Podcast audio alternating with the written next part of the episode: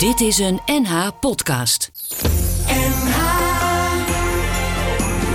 Thuis in heel Noord-Holland. Tekst en uitleg. Met Jos Heremans. NH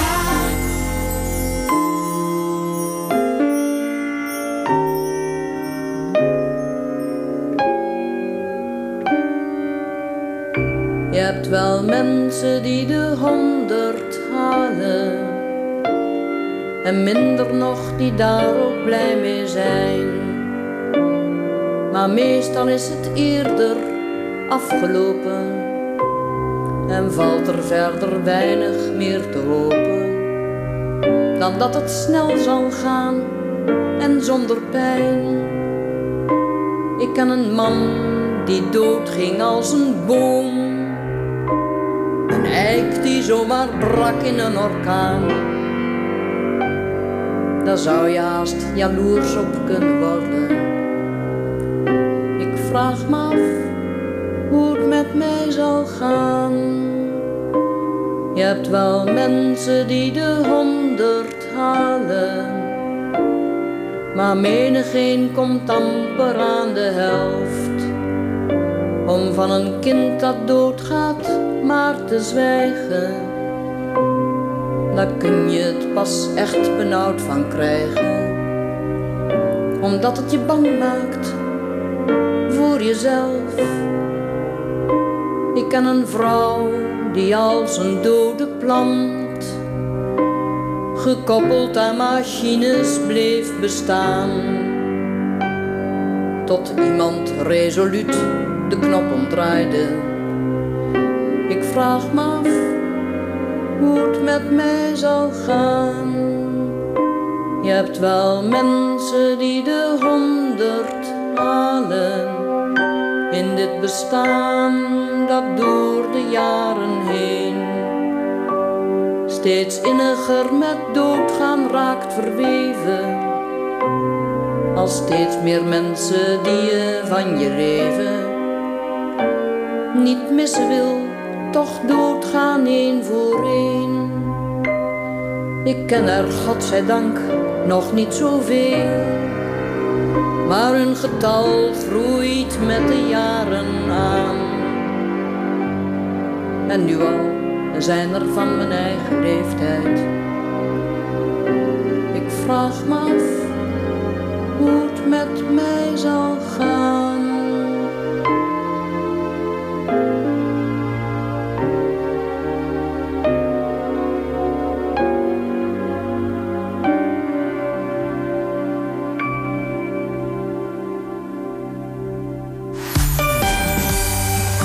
Goedemiddag, welkom bij Tekst en Uitleg. We begonnen met uh, Doodgaan van Adèle Bloemendaal. En uh, hoe dat uh, verlopen is, dat weten we inmiddels. Want op 21 januari 2017 overleed zij. Dat is inmiddels zeven jaar geleden. En ja, eigenlijk zou ze dit jaar 90 zijn geweest. Op een hele ja, respectabele leeftijd, mogen we toch wel zeggen. En we doen het allemaal niet zomaar ook omdat Adèle het boek is dat Jacques Leuters heeft geschreven over het leven en zijn samen zijn met Adèle Bloemendaal. Herinneringen van haar cabaretpooier. Goedemiddag, Jacques. Hey, goedemiddag. Ja, uh, je zal maar cabaretpooier genoemd worden. Ja, dat deze is. Cabaretpooier, laten we een mooie show gaan maken. Dat is wat we net draaiden, de doodgaan. Ja. Dat is nou een typisch voorbeeld van waar we het over kunnen hebben. Want we kennen Adèle misschien nog wel van de vrolijke Jordaan-liederen. Van oh, Zeker. de lichte lijst. Ja. Dat soort. En uh, als je me kan, niet even vertrouwen kan. Maar ze had ook een literaire kant. Ze had mm -hmm. enorm de behoefte ook om mooie programma's te maken met de beste tekstdichters. Jan mm -hmm. Boerstoel had dit geschreven. Dit, ja, ja. Met de beste componisten. Frans Eelhart aan de piano. Schitterende compositie. Er is namelijk een gebied tussen het, uh, het commerciële, uh, uh, gezellige, niks in de hand amusement ja. en de hoge kunst. Ja. En daartussen zit een gebied, en dat is een heel interessant gebied. Daar zit Keurswin of daar zitten, weet ik veel, allerlei componisten. En daar wou Adèle ook zijn. Dus dat het wel toegankelijk is voor de mensen teksten. Maar dat het wel van een niveau is. Mhm. Ja, ook. precies. Ja, was. En dit is eigenlijk een, een, een hele mooie tekst. Van, eh, iedereen denkt er wel eens over. eh, Mhm. Hoe ga ik dood? Hoe zal het gaan? Het is een hele heldere tekst van Jan Boerstel. Maar zo mooi opgeschreven. Ja, prachtig. En die muziek zo simpel en indrukwekkend. En heel duidelijk En gezongen zij ook. ook. zonder allerlei maniertjes gewoon die tekst gewoon Ja. gebracht. Ze was toen op het toppunt van haar kunnen. Ja, dat denk je. Wanneer was dat ongeveer? Nou, dat zal zijn geweest in het begin van de jaren tachtig. Ja. En eh, ze belde, ik, ik was toen eh, toneel, eh, ja, ik was toen bibliothecaris was ik eigenlijk op het toneelmuseum, het theaterinstituut. En toen kwam ze daar binnen. Ik had daar een bibliotheek met muziek en al die dingen weer. En toen zei ze, ja, ik wil wat goeds gaan doen. En kun je niet helpen met wat repertoire uitzoeken? Ik wil wat goeds gaan doen. Eh, Vond ze wat ze daarvoor deed niet goed dan? Nou, ze had drie seizoenen had ze in een komedie gespeeld. Die heette Sam Sam. En dat was gewoon werken. Ah ja. Keihard werken en geld verdienen. Ja, ik heb een kind en ik heb geen man. Dus ik zal toch eh, voor de boterham moeten zorgen. het gekke is dat als je het over Adele hebt, dan ga je ook Ga je altijd zo een- praten, hè? het- Ja. Ga je ook een beetje zo praten. Hè? En eh, ze vond eh, zo'n tournee langs al die schouwburgen jaar in jaar uit. Ja, dan ga je de zoutsmijnen in, zei ze dan. Ja. In ieder geval, ja, ik maakte dus kennis met haar. En ben toen betrokken geraakt bij het maken van haar programma's. En op de een of andere manier hadden wij een geweldig eh, goed gevoel samen. Mhm. Ik vond er een enorm stuk. Geweldig aantrekkelijke vrouw. Ze liep tegen de 50, maar ze deed er alles aan om nog 30 slank gelijken. en sportief en lijnen en sporten. En, eh, en eh, ja, ik vond het wel bijzonder. En ze Dat- haalde... dat- een- ja, over dat praten gesproken. Was Ja. dat nou iets wat ze zichzelf had aangeleerd? Of als je thuis bij haar aan een wijntje zat, praten ze dan op dezelfde manier? Want Ja, ze is praten herkenbaar... hetzelfde. En het gekke is, ik had laatst had ik haar zus aan de telefoon. Die is Mhm. ook oud ondertussen. Die sprak ook zo. Oh, het is een beetje familie. Dat was heel raar hoor. Dat was heel Ja. raar. Het was alsof ik Adele aan de lijn had. Oh ja, bijzonder. Ja. Ja, ja, ja. Dus dat is echt wel, dat is echt wel iets. familietrekje. Een familietrekje, Zo ja. spraken ze daar. Nou, bijzonder. Ja. Eh, jij zegt al, ik zat daar op het theaterinstituut. Eh Adele komt binnen. Eh, jij eh, werd door haar gevraagd. Nee, zij vroeg jou: heb je nog teksten voor me? Ja. Jullie raakten wat langer aan de praat. En toen zei ze: ja, dat ga ik allemaal niet zelf uitzoeken. Dat moet jij maar voor me doen. Ja. Wat zei jij toen? Ik zal je rijkelijk belonen, zei ze. Oh, dat zei ze wel. ja. Nou, dat viel wel tegen me. ik heb er nooit spijt van gehad. Eh, ik vond het geweldig om met haar te kunnen werken. En wat het leuke was, omdat ik haar natuurlijk goed leerde kennen, Mhm. Werd ik ook helemaal doordrongen van haar manier van spreken. Mm. Ze sprak een beetje archaïs, dus in de, in de oude stijl, zeg maar. Ja. wel. Eh, kom dan te mijnend. Of zoiets dergelijks Ja, zei ze in ja, plaats van kom ja. dan bij mij. Dat zo, wat dat betreft snap ik ook heel goed dat ze zo gek was op de teksten van Dr. Anders P. Want die heeft dat natuurlijk ook. ja, absoluut. Dat ouderwetse taalgevoel. Ja. En dat had zij. En, eh, en dat nam ik in mij op. En op een gegeven moment ging ik conferences voor de schrijver. Mhm.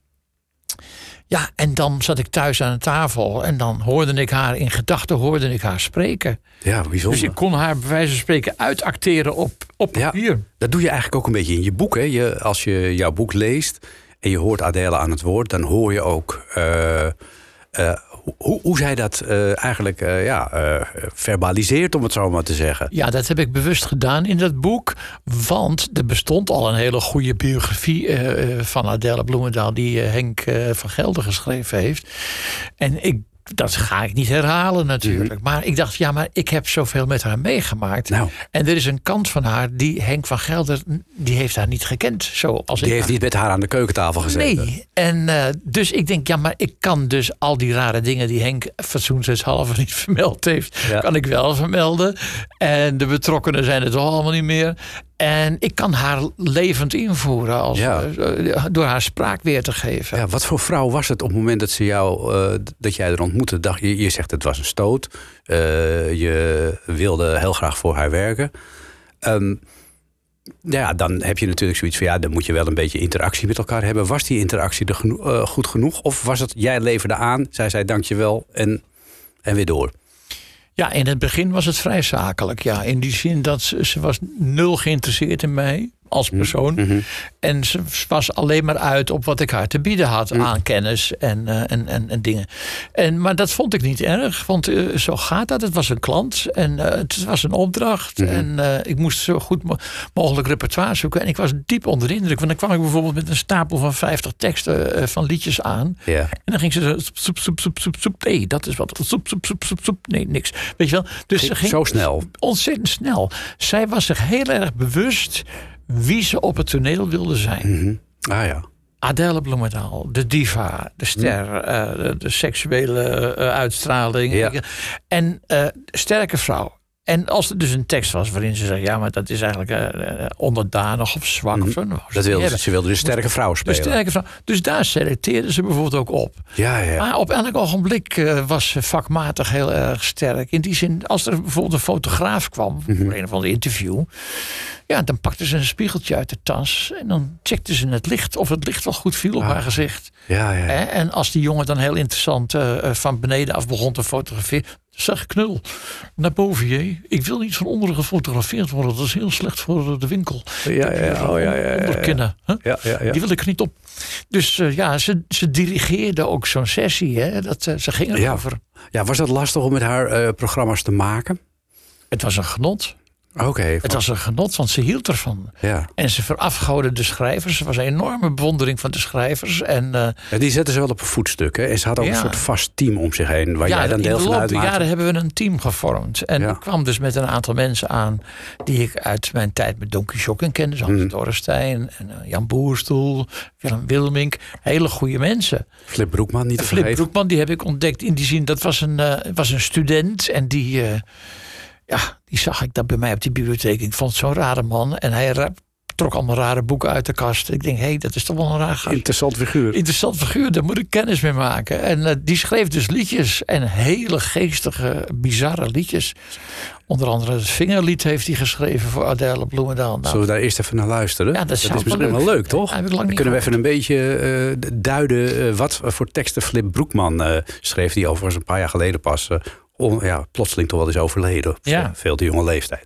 Flip Broekman eh, schreef de tekst van het Vingerlied. En Martin van Dijk schreef de muziek.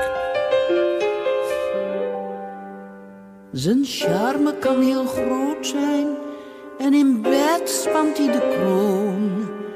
Wie is die schone prins waar ieder meisje s'nachts van droomt? Dat is je vinger, je eigen. Dat is de prins waar ieder meisje s'nachts van droomt. Dat is je vinger, je eigen vinger. Dat is de prins waar ieder meisje s'nachts van droomt. Die stinkt niet naar je never, hij kwijlt niet in je nek. Hij doet gewoon zijn werk en dat doet hij lang niet gek. Je lichaam is een doolhof, maar hij kent er elke heg. En als moeder plotseling binnenkomt, dan stap je hem even weg. Stel dat je koningin bent en je man moet weer op reis. Wie helpt je dan wanneer de grote eenzaamheid verrijst? Dat is je vinger, je eigen. Die heeft tenminste geen maîtresse in Parijs. Dat is je vinger, je eigen. Die heeft tenminste geen maîtresse in Parijs. De wereld is een chaos. Niemand houdt nog van elkaar. Alleen je eigen vinger staat altijd voor je klaar. En laat je niets verbieden, want de priester en de paus staan elke nacht tot aan hun knieën in hun eigen saus. Een vrouw die zegt ik wil niet, zegt zoiets niet voor de grap. Soms moet je twee keer zeggen, een man uiteindelijk snapt. Alleen mijn vinger, mijn eigen vinger. Dat is de prins waar ieder meisje s'nachts van droomt. Dat is mijn vinger, mijn eigen vinger. Dat is de prins waar ieder meisje s'nachts van droomt.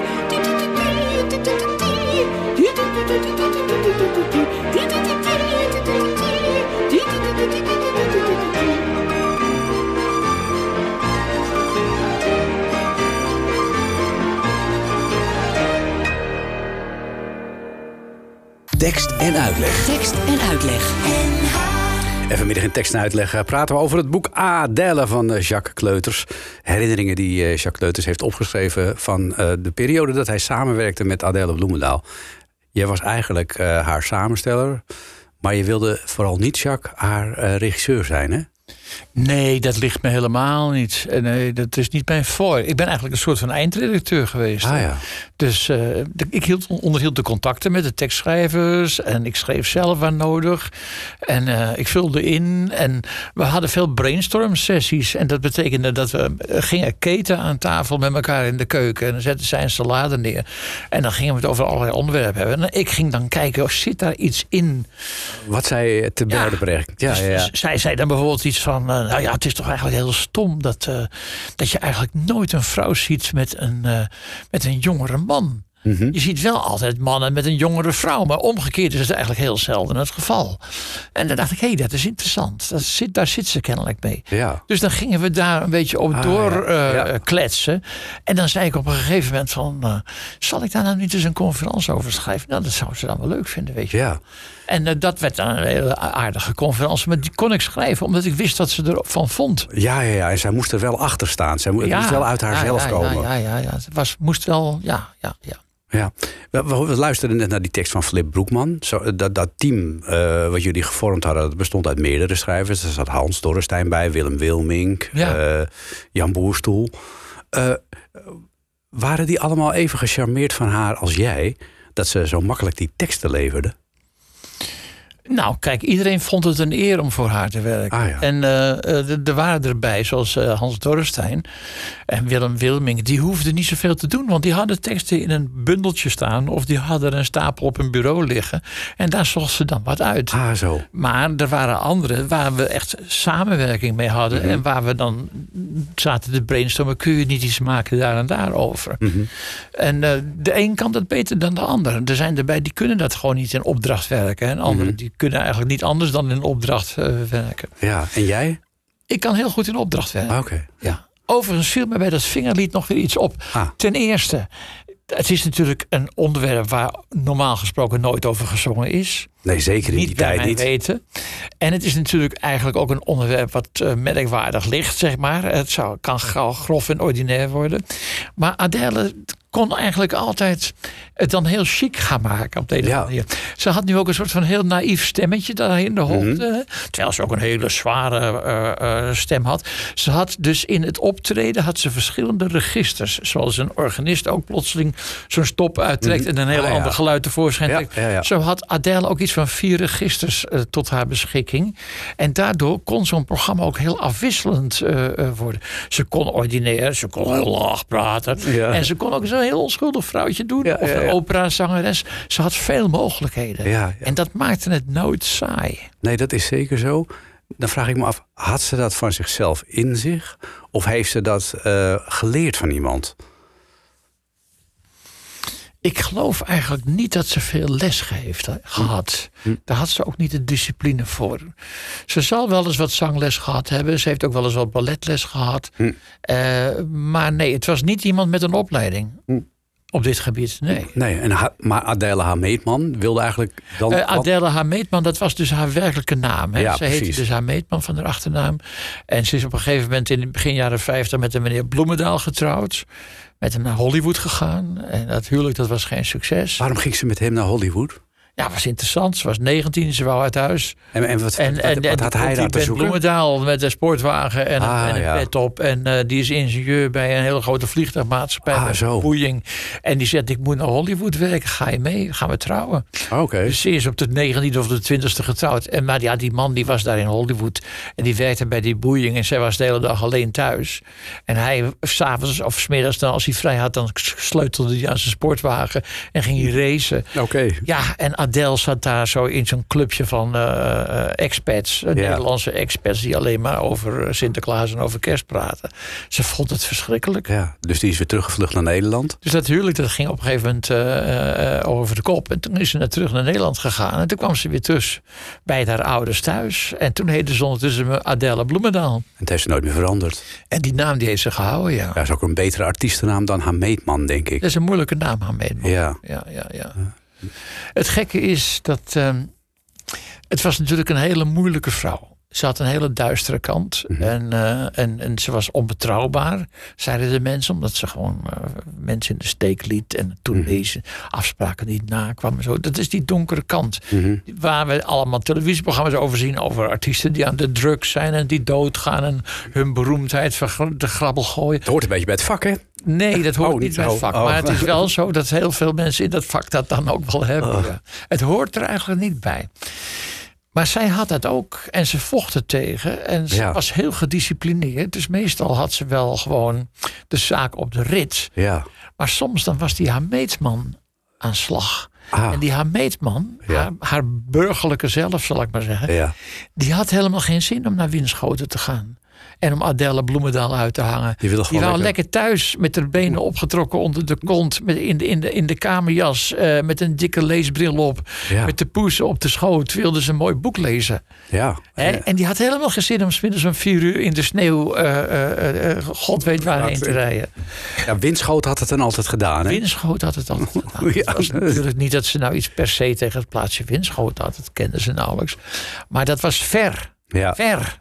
Zeker, ja. ja, ja, ja dat en, eh, en, en dat riep ze dan ook wel in interviews. eh, Laat mij niet sterven op weg naar Winschoten.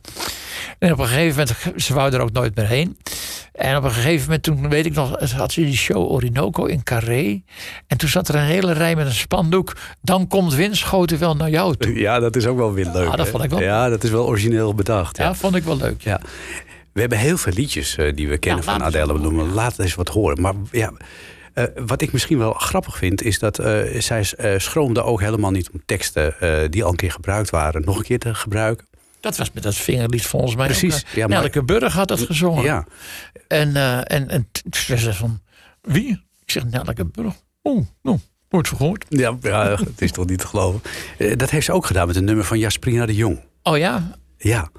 Eh, wat ik bedoel je? de bokken en de schapen. Oh ja, ja, ja. Een tekst van Jan- ook, ja. tekst van, ook van eh, Jan Boerstoel. Jan Boerstoel en van, ook. eh, ja, ik weet eigenlijk niet of het van Martin is of van eh, eh, Frans Ellert. Dat hoor ik als ik het hoor. Nou, dan gaan we er nu naar luisteren. En dan gaan we daarna ook even naar de vergelijking tussen Jasperina de Jong en Adele Bloementaal. Want daarover zeg jij ook iets in je boek.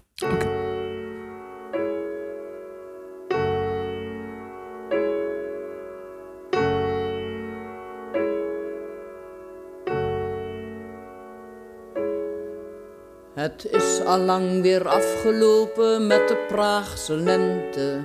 En God bewaar me voor Chileense tegenargumenten. De knoet kan rood of zwart zijn, maar de knoet wil altijd slaan. De dictatuur maakt links en rechts dezelfde korte metten. Met ieder die zich tegen zijn dictaten durft verzetten. Stel nou eens dat er hierin komt, hoe zal het hier dan gaan? Stel nou eens dat er hierin komt, hoe zal het hier dan gaan? Wie waagt zich dan aan een protest? En wie blijft zich vergapen? De goeden en de kwaden, de bokken en de schapen.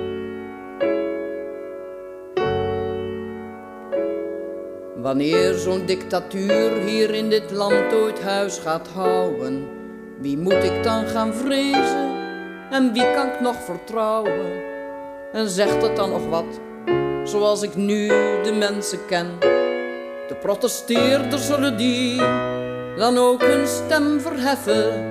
De verontrusten zullen die dan ook het kwaad beseffen. Wat weet ik van degenen door wie ik omgeven ben? Wat weet ik van degene door wie ik omgeven ben? Wie staat dan juichend langs de kant? En wie grijpt naar een wapen? De goeden en de kwaden, de bokken en de schapen. En dan, hoe zal het gaan met wie me lief zijn in die dagen? Zal mijn familie mij nog op visite durven vragen? Of liever maar niet thuis zijn als ik langskom onverwachts? Zullen mijn beste vrienden mij zo nodig wel verbergen? Of zullen ze me vragen zoveel niet van hen te vergen? Zal ik naast iemand nog wel hardop durven dromen s'nachts? zal ik naast iemand nog wel hardop durven dromen s'nachts? Wie wordt dan van zijn bed gelicht en wie mag blijven slapen? De goeden en de kwaden, de bokken en de schapen.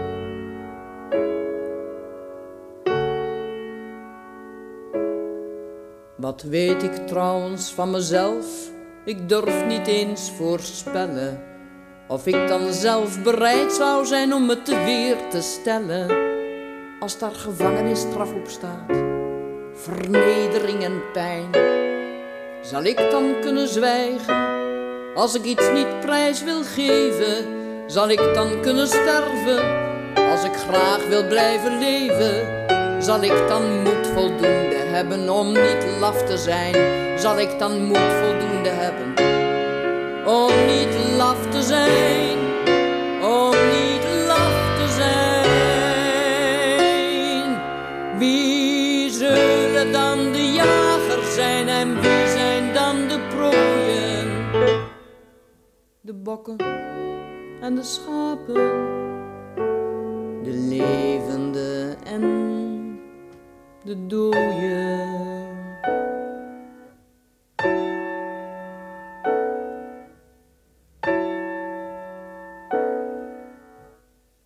Een tekst die eh, eigenlijk aan actualiteit nog niets heeft eh, ingeboet. De bokken en de schapen van Adèle Bloemendaal. Jacques Leuters is de gast. Hij eh, komt praten over het boek Adèle. Herinneringen aan zijn tijd met haar. Weet je het al, Jacques? Was het Frans Eelhard? Ja, het was Frans Eelhard. Ja. ja. Martin van Dijk, ook een geweldige componist, die gebruikte geweldig veel noten. Mhm. En hij was heel gedreven en fel. En, eh, en, en, en, en, en ja, Frans, die, je ziet, hij zet alleen die akkoorden neer. Mhm. En het wordt liedkunst, hè, wat hij bij hem. Hij zou ook gewoon eh, eh, grote eh, liederen van Schumann of Schubert, Ja. Chopin kunnen begeleiden. Het is een, een, een geweldige componist en een hele goede pianist. schitterend. En hij geeft dus het volle pond aan de tekst. Want Ja. dit is een tekst waar je goed naar moet luisteren. Absoluut. Wil je doorkomen. En dan mag je muzikaal moet je dan natuurlijk niet te veel gaan overwoekeren. En eh, de manier van zingen van Adele vind ik ook zo bijzonder. Daar zouden mensen van nu veel van kunnen leren. Je ziet tegenwoordig heel veel mensen helemaal met die mond achter de microfoon zitten. En ze zijn geen verhaal meer aan het vertellen. Eh, zeg maar. Hè. En als je bijvoorbeeld de goede zangers van in de tijd, weet ik wel, Wim Sonneveld of zo, ziet, die staan 30, 40 centimeter van de microfoon af en komen over op het publiek. Ja. En die leunen niet in de microfoon eh, zoals tegenwoordig het geval is. En, eh, en, en dat vind ik een groot verschil. Ik vind dat eigenlijk wel jammer. Je ziet het ook in programma's met eh, jonge mensen. En dan Jenny Arian bijvoorbeeld ertussen. Of Gerard Cox van de Oude Stempel. Die vertellen een verhaal. En dat komt plotseling enorm sterk over. Ja, ja, dat is wel waar, ja. Even naar de vergelijking tussen Jasperina de Jong en Adèle Bloemendaal... die beide dit lied eh, De Bokken en de Schapen hebben gezongen. Ja. Jij voert in je boek op een gegeven moment een eh, conversatie op... die jij met eh Adèle hebt. En Adèle beklaagt zich eigenlijk over het feit... Ja. dat ze dan een... Ja, zegt ze, van, vind je ook niet, Jacques, dat de regering eigenlijk ontzettend weinig oog heeft voor de oudere kunstenaar? Eh, ik zeg, hoe bedoel je dat? Eh, nou, zegt ze, eh, zo in het buitenland, dan was of in België, dan kregen ze zo'n, eh, een baan aangeboden. Of dan hoeven ze niet te verschijnen, maar ze kregen wel maandelijks geld. Of van eregeld, of van een medaille, of van een fonds. Dat, dat is in Nederland niet. Ze laten je godverdomme gewoon naar de kloten gaan. En eh, ik zeg, ja, maar luister, Adèle, heb jij wel eens gehoord van La Fontaine? Ja, ze, de- van die fabels. Ik zeg, ja. Ik zeg, er is zo'n fabel bij van de krekel en de mier. En ik zeg, Jasperine de Jong, dat is die mier. Die heeft gewoon ook een mooie carrière. En die heeft lekker geld verdiend. En die heeft het allemaal lekker bij zich gehouden. En op de bank gezet. En die is op een gegeven moment ermee opgehouden. En die leeft lekker. En die wandelt met haar honden door de bossen. En die woont er in een mooi huis. En die is intens gelukkig. En jij hebt gekrekeld. Je hebt Ja. gewoon ook wel geld verdiend. Maar je hebt het over de balk gegooid. Je bent om de havenklap eh, ben je reizen gaan maken. Je hebt zijde ondergoed gekocht. En eh, je hebt hele domme investeringen gedaan. eh, voor mensen die er geen verstand van hadden. Maar eh, eh, dus je hebt gewoon. En je hebt eh, lucratieve to- tournees die je had afgesloten. Heb je plotseling afgezegd omdat je aan de zuip was. Je hebt gewoon heel slordig met je carrière eh, Ja. omgesprongen. Ja, want ze, ze was eh, in staat om, als er een programma eh, bijna klaar was, of helemaal klaar was, om het bijltje erbij neer te gooien. Ja, nou, Eh. nog veel erger was aan het begin. Dat er dus, er was dus een, een impresario. eh, Die, die had dan een tournee geboekt van 125 voorstellingen. Die had al een ton uitgegeven aan, aan teksten, aan muziek, aan kostuums, aan weet ik veel wat allemaal, decoropdrachten, et cetera. En dan deed ze het niet, ging ze weg. Dus dan zaten die muzikanten met een lege agenda Ja, voor een heel jaar, voor een heel seizoen, terwijl alle andere banen al vergeven waren. ja. Ja, dan sta je plotseling sta je dus helemaal. eh, en, en Joop van den Ende bijvoorbeeld heeft tonnen verloren aan Adèle Bloemendaal. Ja, wat ik me dan afvraag is, zijn er nooit eh, impresariaten geweest die dat op haar hebben proberen te verhalen? Want dat, dat zou je misschien wel denken, zeker in Amerika natuurlijk. Ja, maar ze, had, ze was wel zo slim om allerlei attesten van medici te kunnen tonen. Ah, en zo. zo. En ze, had- ze, ze dekte zich wel in. Oh, natuurlijk. dat wel. Ja, nee, natuurlijk. Ah, ja, dan kon ze het niet Er is een vers- overeenkomst ook wel hoor tussen Jasperina en, eh, en Adele. Ten eerste dat ze veel eh, gevoel hadden voor literaire kwaliteit. Dat ze altijd mooie goede teksten zochten. Mhm. En dat ze allebei een hekel hadden aan in de publiciteit treden. En al aan allerlei populaire dingen meedoen enzovoort. Ze zaten niet bij wie van de drie of zo. Wat zeg je? Bij wie van de drie of... Nee, eh, dan zal je, ja, nog Adele, nog Jasperina de Jong. Nou, als er veel geld mee gemoeid was, dan deed Adele sommige dingen wel. Ja, ze heeft bijvoorbeeld de toespraak, tenminste schrijf jij in je boek, vind ik wel een mooi verhaal. De, de toespraak eh, bij de 70-jarige verjaardag van Harry Mulisch heeft ze gedaan. Ja, dat was ook zoiets. Ja, nou ja, dat was. Kijk, Een leuke snabbel. Louis werd 70 en er kwam een boek van hem uit en dat moest uitgereikt worden. En toen hadden ze dus aan een aantal bekende mensen hadden ze gevraagd: van nou, zou je iets willen schrijven in dat Mhm. boek? En Adele hadden ze gevraagd: wil je een toespraak houden? En toen belden ze op van ze zegt: ik, ik heb me godverdomme domme ijdelheid. Heb ik me laten verleiden om een toespraak voor Harry Mullers te zijn. Maar daar zit ik ontzettend mee. Ik kan, ik kan niet bedenken wat ik daar. Wil je dat niet voor me schrijven? Mhm. Nou ja, dus ik zeg, ja, dat is goed. Eh, maar dus ik heb even met haar gepraat van wat, wat vind je dan van Harry Muris en wat ken je daarvan? Ja. En, ja, ik weet eigenlijk verdomde weinig van de man. Maar een forse neus heeft hij en ik heb wel een paar mooie boeken van hem gelezen. En, nou ja, ze noemden een aantal dingetjes Ja. en toen ging ik dus schrijven. En toen heeft ze vrijwel elk woord veranderd. Maar dat vond ik niet erg. Nee, je moet, je moet als schrijver, als lijfschrijver of als geheimschrijver, zoals ze dat ook Ja. noemen, moet je niet een te groot ego hebben. Je moet gewoon dienend bezig zijn. En het gaat om haar. Maar eh, Je voedt haar. ja, jij voedt haar. Uiteindelijk wilden ze dat eh, toch op het laatste moment niet doen. Totdat er iemand zei, er komt wat geld bij kijken. Was dat niet bij deze? Nou, dat kan ik me nou weer niet herinneren. Dat het Oh. bij die Harry Mulisch eh, eh, was. Het was wel heel vaak wel het geval. Dat, dat, dat er iets moest gebeuren aan publiciteit. Of dat er iets. Ik zou maar zeggen, ze moesten ergens opdraven. En dan deed ze dat niet. Mhm. Had ze geen zin. Maar dan zeiden ze: Nou ja, maar weet je, je krijgt. Ik geloof dat dat iets bij Karel van der Graaf of zo was. Ik weet het niet precies meer. Maar in ieder geval, er- bleek plotseling 10.000 eh, gulden te zijn. En toen, toen zei ze: Jan, dat wil ik wel pakken. joh." Oh ja. ja. Want zo was ze ook wel. Hè? Ze, ze- ze kon gewoon een lopende toneel laten vallen. Als ze bijvoorbeeld een hele goede snabbel kreeg ergens anders. Ja. Ja, maar ik weet niet of dat Adèle Bloemendaal was of Adèle Hameetman. Maar in ieder geval, ze deed het... Ja, ik denk dat dat overeenkomst met eh, Jasperine en met Adèle Bloemendaal... ze waren allebei volgens mij niet zo heel erg dol op het vak. Hmm. Ze waren er heel goed in. Ja. Ze waren er en ze konden er geld mee verdienen. Maar eh, zowel Jasperina, die het, zodra het niet meer hoeft, is ze meteen opgehouden. En Ja. heeft ze nog nooit meer op een toneel vertoond, Nee. bij wijze van spreken. Ze was dat helemaal kwijt. Ja. En ze wou het niet meer. En dat snap ik heel goed, want heel veel mensen die 40 jaar gewerkt hebben, die eh, vinden het fijn om met pensioen te gaan. ja, behalve jij en ik. Nou, Jasperina de Jong die vertelde mij een keer, ze zegt, ik kon op een gegeven moment niet meer tegen de lucht van de kleedkamers. Ah, Je moet je voorstellen, dan kom je in Wageningen en die Schouwburg. Dan moet je smiddags steeds vroeger weg, want het is steeds drukker op de weg. En dus heb je al je anderhalf uur geërgerd. En dan kom je in die Schouwburg, wat een grote betonnen kolos is. En dan die, die, die, die entree en zo daarvoor. Dat is allemaal mooi met rood fluweel en zo. Maar achter Mhm. zie je alleen maar eh, eh, waterleidingbuizen lopen. En daar ruikt het naar een oude fietsenkelder. Ja. Vochtig. En dan heb je zo'n. zo'n ze zegt ook, dan sta je in een kleedkamer waar het vocht langs de muur druipt. Terwijl ik zelf een prachtig huis heb. Met een schitterende badkamer en een zitkuil. En weet ik veel wat allemaal. Moet ik daar in zo'n ellendig eh, eh, kleedhok staan.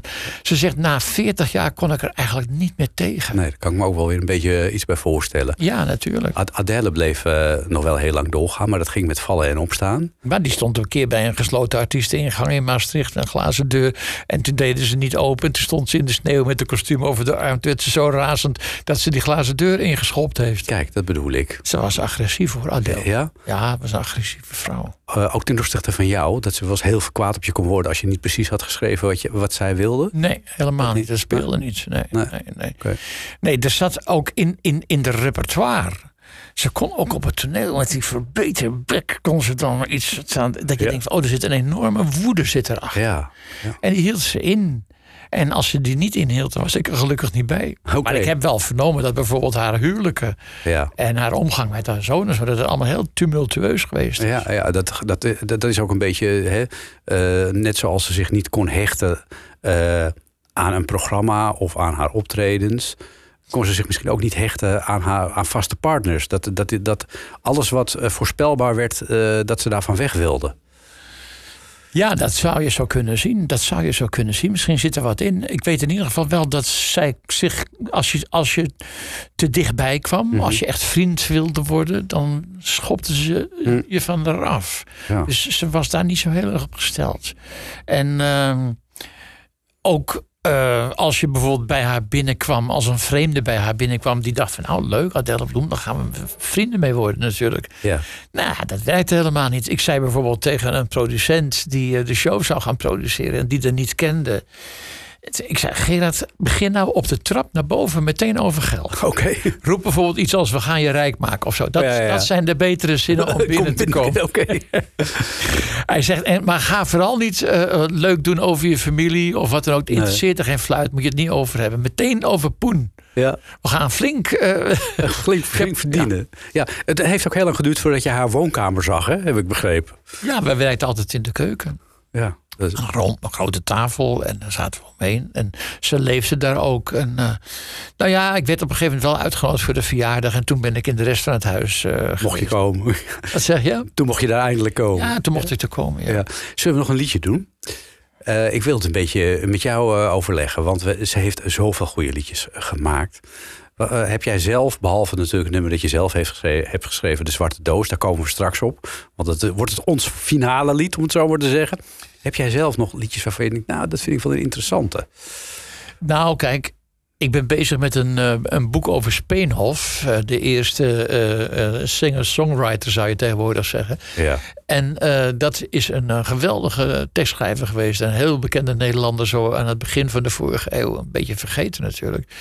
Maar zij heeft daar een lied van gezongen. Afscheidsbrief van een lelijk meisje. Ah, En daar heeft Ruud Bos nieuwe muziek opgeschreven in de tijd. ja. En dat vind ik zelf wel een geweldig mooi lied. Nou, dan gaan we daarna luisteren. Ruud Bos, ook al dit jaar overleden. Ja. Wat.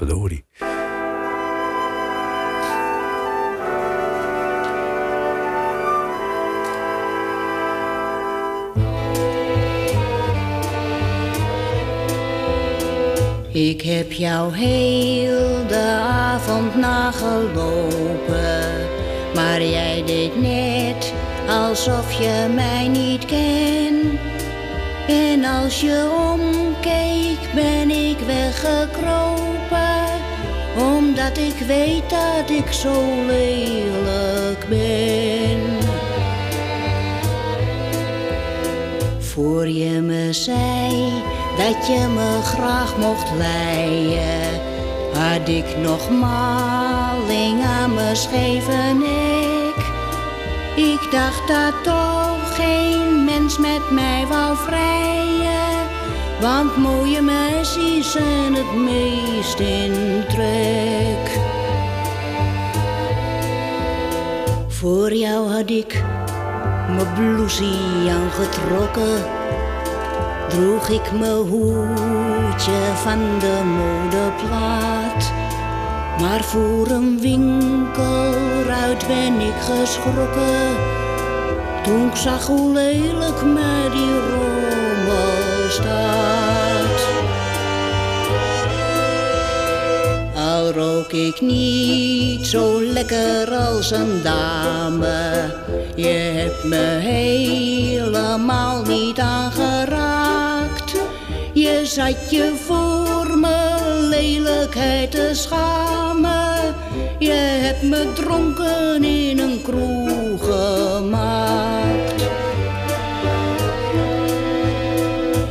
toen ik niks kon zien en niks kon horen, ben jij hem stiekem met mijn geld gesmeerd. En met de gouden bellen uit mijn oren moest ik betalen wat je had verteerd. Al droeg ik grove keukenmeidenkleren, al was je vies van zo'n mismaakte meid. Mijn arme centjes wou je wel verteren, mijn hele spaarbankboekie ben ik kwijt. Ik ben te lelijk om het te verkopen. Ik ben te dom om zo gemeen te doen. Daarom ben ik het water ingelopen. Adieu, vaarwel, ik eindig met een zoen.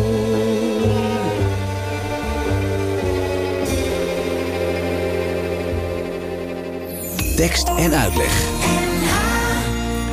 Ja, dat mag je toch wel een prachtig mooi nummer noemen, Jacques Leuters eh, van Speenhof. Ja, dat is ook mooi. Weet je wat ik ook weer zo bijzonder eigenlijk aan vind? Tegenwoordig zingen de mensen allemaal eigen teksten. Mhm. En eigenlijk gaan alle liedjes van tegenwoordig over hoe de zinger, de zanger zich voelt. Ja, Ik. Het zijn allemaal Ego-documentjes. ego-documentjes. En in die tijd van Adele, toen werden er ook eh, liedjes gezongen die gingen over de Amsterdamse kroeg of zoiets dergelijks. Of Ja. over iets in het algemeen. Meer journalistiek, zou ik maar zeggen. Er wordt iets besproken. Ja. En eh, aan de Amsterdamse grachten, weet ik veel. Maar eh, en, en in het bijzonder werden de liedjes ook geacteerd. Want Hm. Adele Bloemendaal was geen lelijk meisje wat het water is ingelopen. Nee, Nee. ze zingt dat meisje. En daarom merk je ook dat zowel Jasper de Jong als dat waren ook actrices. Jenny Arian ook. Dat waren ook actrices. Dus die konden ook gewoon een, een ander dan zichzelf neerzetten op het toneel of in het lied. En dat maakt het ook afwisselender eigenlijk. Ja. Dan dat iemand de hele avond over zichzelf staat te zingen. Ja. Hoe, denk jij dat eh Adele Bloemendaal eh, tegen het huidige repertoire zou aankijken? Nou, ik denk dat ze daar wel eh, ook mooie dingen in zou aantreffen. En eh, ik denk, eh, ze werd altijd gretig van bepaalde tekstschrijvers en, en, en van teksten. En ja, ze had een hele scherpe neus voor wat mooi, voor wat kwaliteit was. Ik denk, oh, ik denk dat ze in de tijd Jeroen van Berwijk geweldig had gevonden. Maarten van Roosendaal. Ik denk dat ze Theo Nijland ook leuk vond. Ik denk dat ze die, die meisjes op het ogenblik, Jentel en de, de Boer, heel leuk zou vinden. Ja. Ik kan wel. eh, Jan- Beuving, ook geweldig Ja. goede teksten. Ik denk dat ze wel. eh, ja. Wel kwaliteit zou aantreffen Ja. en der. Ja, en eh, haar rol als voortrekker voor een hele eh, generatie, mag ik toch wel zeggen, enigszins feministische vrouwen. daar heeft ze natuurlijk ook het een en ander voor betekend. Er waren ook mensen die waren bang voor haar. Die, die, die vonden haar veel te direct. Denk je dat haar dat, haar dat part heeft gespeeld om populair te worden? Dat weet ik niet. Heel direct. Ja, kijk, ze was natuurlijk wel een soort. wat tegenwoordig een icoon genoemd wordt. hè. Dus het was een hele sterke vrouw. Het was een onafhankelijke vrouw die zonder man leefde. die zonder man een kind opvoedde. die haar eigen geld verdiende. Dus in die zin, en dan ook nog eens een keer heel mooi. en eh, eh, in die zin was ze een. Een, een rolmodel voor mensen die wilden emanciperen. En probeerde de vrouwenbeweging haar ook wel op de een of andere manier als een soort van boegbeeld. Maar ze had daar weinig mee. Ja, Ze had daar heel weinig was- mee. ze- Ze vond het zeurneuzen. super onafhankelijk was. ze. En ze had ook iets, als ze zich wilde laten inlijven, dan had ze eerder zin eh, om van zich af te bijten, weet je wel. En ehm, En aan de andere kant was het voor mannen ook enorm aantrekkelijk. Want het was een geweldig stuk. En ze, ze straalde, zeker in die, in die beginjaren, in de jaren zeventig... eh, toen het over seks mocht gaan in de literatuur en in de kunsten enzovoort... Ja, straalde ze een soort van toegankelijkheid op dat gebied uit. Ja, ja, ja. ja. Om het maar eens mooi te formuleren. Ah, je moet- je moet ze het- was te hebben, zou ik maar Ja, zeggen. En, en, er werden, ze, dat- en ze, ze liet ook blijken dat ze ervan hield. En, Ja. eh, en zo. Ja, je moet de anekdote nog even vertellen over eh, Joost Prins. Dat vind ik wel. Dat zit Oh, in ja. jouw boek. Ja, dat moet je even. Ja, nou ja, dat speelt zich wat eerder af. In de jaren tachtig zat ik, eh, eh, was ik betrokken bij de musical De Zoon van Louis Davids. En eh, de producent eh, die komt op mij af en die zegt... Ja, Sjaak, ik heb een probleem. Hij zegt, we hebben eh, een hele leuke cast. Adele Bloemendaal gaat meedoen. En, en, en nog allerlei andere mensen. En ook Joost Prins heb ik nu geëngageerd. Maar die stelt een eis. Die wil dat ik in het contract opneem... dat hij één keer per week met Adele Bloemendaal naar bed mag. Het is toch niet te geloven. Hij zegt, maar moet ik dat nou serieus nemen? Of is dat een geintje van hem? Hij zegt, ik ken die wereld van de musical niet zo goed. Dus ik kom uit de platenbusiness. Ik zeg, nou, ik zou het zeer serieus nemen. Ik zeg, dus je moet Adele bellen. Ja. En dan moet je dat eh, vertellen. Nou, zegt hij, dat durf ik niet. nee, dat snap ik. ik zeg, nou ja, ik spreek er regelmatig. Ik zal het wel, eh, ik zal het wel zeggen. Dus er kwam op een gegeven moment een gelegenheid... dat ik met Adele in de auto zat. En we hadden het over seks en al die dingen meer. Want daar sprak ze altijd graag over. En eh, toen zei ik tussen twee haakjes... eh, Joost Prinsen, die wil... En dat vertel ik dat verhaal. Nou, ze kreeg meteen die kenmerkende eh, eh, lach van Adele Bloemendaal. Dat vond ze geweldig. Joost Prinsen, dat vond ze leuk. Ja. Zegt ze, maar ook likken. Eenmaal per maand wen- wens ik gelikt te worden. En dat moet ook in het contract. Ja. Dus, eh, dus ik weer terug naar Bart de Groot, de producent van die musical. En ik zei, ja, nou, ze vindt het goed. Maar wel dit. het is er natuurlijk nooit van gekomen. Want ze, dat, dat programma Adèle's Keus was zo'n ontzettend... haar eerste show met Frans Eelhard was zo'n succes. Dat ging meteen door in de grote zalen. En ze heeft nooit meegedaan aan die musical. Hebben we toen eh Jenny Arian... eh, eh, Voor weten te strikken. eh, weten te strikken. Ja, ja. En eh, ja, jaren later kwam ze Joost Prinsen eh, een keer tegen. En eh, toen zei ze... Je had het niet gedurfd, hè? Wat zei die toen? Nee, waarschijnlijk niet. ja, het was ook wel een idiotenhuis. Dat zou je je tegenwoordig toch echt absoluut niet meer kunnen voorstellen... dat je, dat je zoiets überhaupt te sprake brengt, toch? Nou ja, eigenlijk zijn er heel veel dingen ook in dat boek. die kunnen tegenwoordig helemaal niet Nee. meer. De manier waarop ze zich gedroeg en de manier waarop ze zich uiten. En eh, ook de, de dingen die ze voor. Ze zat at de conferentie, voor haar geschreven. over dat ze mannen wilde aanranden. Ja, oh ja. Ja, ja, z- zo'n postbezorger trekt trekt ze zo van een fiets af. Ik heb er eentje door de ruit naar binnen getrokken, had ze helm nog op. Ja. Weet je, Ja, ik vond het wel leuk in de tijd. ik vond het hartstikke leuk. Ja, ja maar eh, ja, dat, is toch de tijdgeest. Zijn wij allemaal met z'n allen een beetje ehm, ja, genuanceerder of juist preutser of juist eh, eh, te woke geworden? Nou, dat is een hele interessante kwestie. Is dat, ik denk sowieso dat het, dat het een golfbeweging is. Dat je periodes hebt van grotere preutsheid en van mindere preutsheid. En eh, ik denk dat eh, de invloed van dat er een groot gedeelte of een aanzienlijk gedeelte van Nederland islamitisch geworden is, dat dat ermee te maken heeft. Dat, dat allerlei dingen die in onze goddeloze maatschappij eh, langzamerhand mogelijk waren, dat die toch op de een of andere manier pijnlijk ervaren worden door Mhm. een groot gedeelte van Nederland. En daar heb je rekening mee te houden, vind ik zelf. Ja. Als mensen iets heel pijnlijk vinden, zoals bijvoorbeeld Zwarte Piet heel pijnlijk voor sommige mensen, dan denk ik van ja, waarom zouden mensen dan pijn doen? Laten we Ja. dan daarvan afstappen. Ja. Hè? En eh, ik roep thuis ook wel eens eh, eh, dingen die uit de jaren 70, 80 afkomstig van, waar mijn kinderen dan plotseling van schrik aan roepen van pa, dat kan echt niet Dat meer. kun je niet meer. Ja, ik hoor dat ook af en toe. Hoor jij dat ook? Ja, dat kan ik je wel zeggen, ja. En laten we, we moeten een beetje naar een eind toe werken. En eh, dat eind in de shows van Adele, eh, dat stond op een bepaald moment gewoon vast. Want dat was altijd het nummer De Zwarte Doos. Ja. Geschreven door de persoon die nu tegenover mij zit, Jacques Leuters. Ja. Hoe is dat Dat was een moeilijke ontstaan? klus, want we- waren bezig met een show die heette Casablanca. En eh, het was bijna klaar en moest in Carré. En ze zei, ja, nou wil ik toch eigenlijk een, eh, een toegift. En dat moet mijn signature song worden. En ik wist niet wat een signature song was. Ze zegt, nou, dat is het lied van mij, waar ik aan herinnerd word. Van dat, I did it my way. En eh, non je ne regrette rien. Dat zijn signature songs. En dat moet jij schrijven, want jij kent mij. Oké. Nou, klaar was ik zeg. En eh, dus ik naar huis. En het moest ook nog binnen 48 uur klaar. Ook en, eh, ja, ja, ja, ik denk, wat een rotopdracht. En ik keek zo eens in wat boekjes en aantekeningen. En ik zag ergens het woord zwarte doos zag Mhm. ik staan. En dat is dat ding wat ze zoeken als het vliegtuig is neergestort. En, eh, en, en toen dacht ik, ja, maar dat is wat. Want Adele is ook zo vaak neergestort. Mhm. En was, on, was niet meer te vinden. En niemand wist wat er aan de hand was. En ze wou nooit in therapie. En nie- ze wist niet waar, waar die donkere kant van haar vandaan kwam. Die zwarte doos, zij zelf eigenlijk. Een grote zwarte doos. Ja, dus toen dacht ik, daar kan ik wat mee. En toen heb ik een lied geschreven. Ja, dat is eh, dit lied. Daar gaan we mee afsluiten. Eh, ik wil je hartelijk bedanken. Ik ga nog even zeggen eh, wat eh, precies de gegevens zijn van jouw boek. Het heet Adele. Het is geschreven door Jacques Leuters. En het is uitgegeven door Nijgen van Ditmar.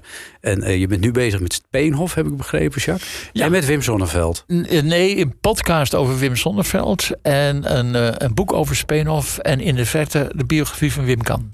Jongens, jongens, jongens. Jij gaat nooit met pensioen. Nee, Ik hoop dat je ik minstens... heb ook nooit gewerkt. Nee, oh ja, nee, je vond het altijd een hobby, toch? Dankjewel, Jacques Leuters. Dankjewel.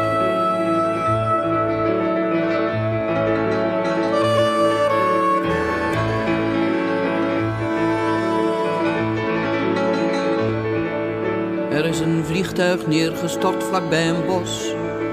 Het is daar straks verdwenen van het radarscherm. De brokken liggen rond tot aan de snelweg Bern. De lijken ruiken naar parfum en calvados. De reddingsploegen zoeken naar de zwarte doos. Een fluitrecorder waar het laatste uur op staat. Vertelt de rampenonderzoekers schaamteloos. Wat of een vliegtuig voelt dat net te pletter slaat. Ook in mijn leven vonden heel wat rampen plaats. Hoe vaak verdween ik plotseling niet uit het zicht. Lag ik weer eens in stukken in het ochtendlicht. Juist als het goed gaat, word ik tegendraads. En ieder loopt te zoeken naar die zwarte doos. Die zwarte gast die straks mijn vluchtgedrag verklaart. Tot dan verzinnen de experts maar schaamteloos. Hoe of het voelt, over de kop slaan met zo'n vaart.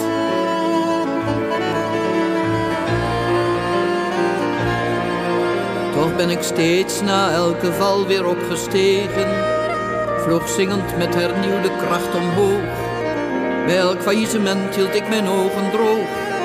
En ook een felle brand ben ik gehard ontstegen. Nooit in het vuur gaan zoeken naar die zwarte doos.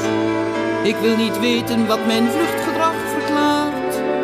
Noem mij maar onbetrouwbaar en gewetenloos.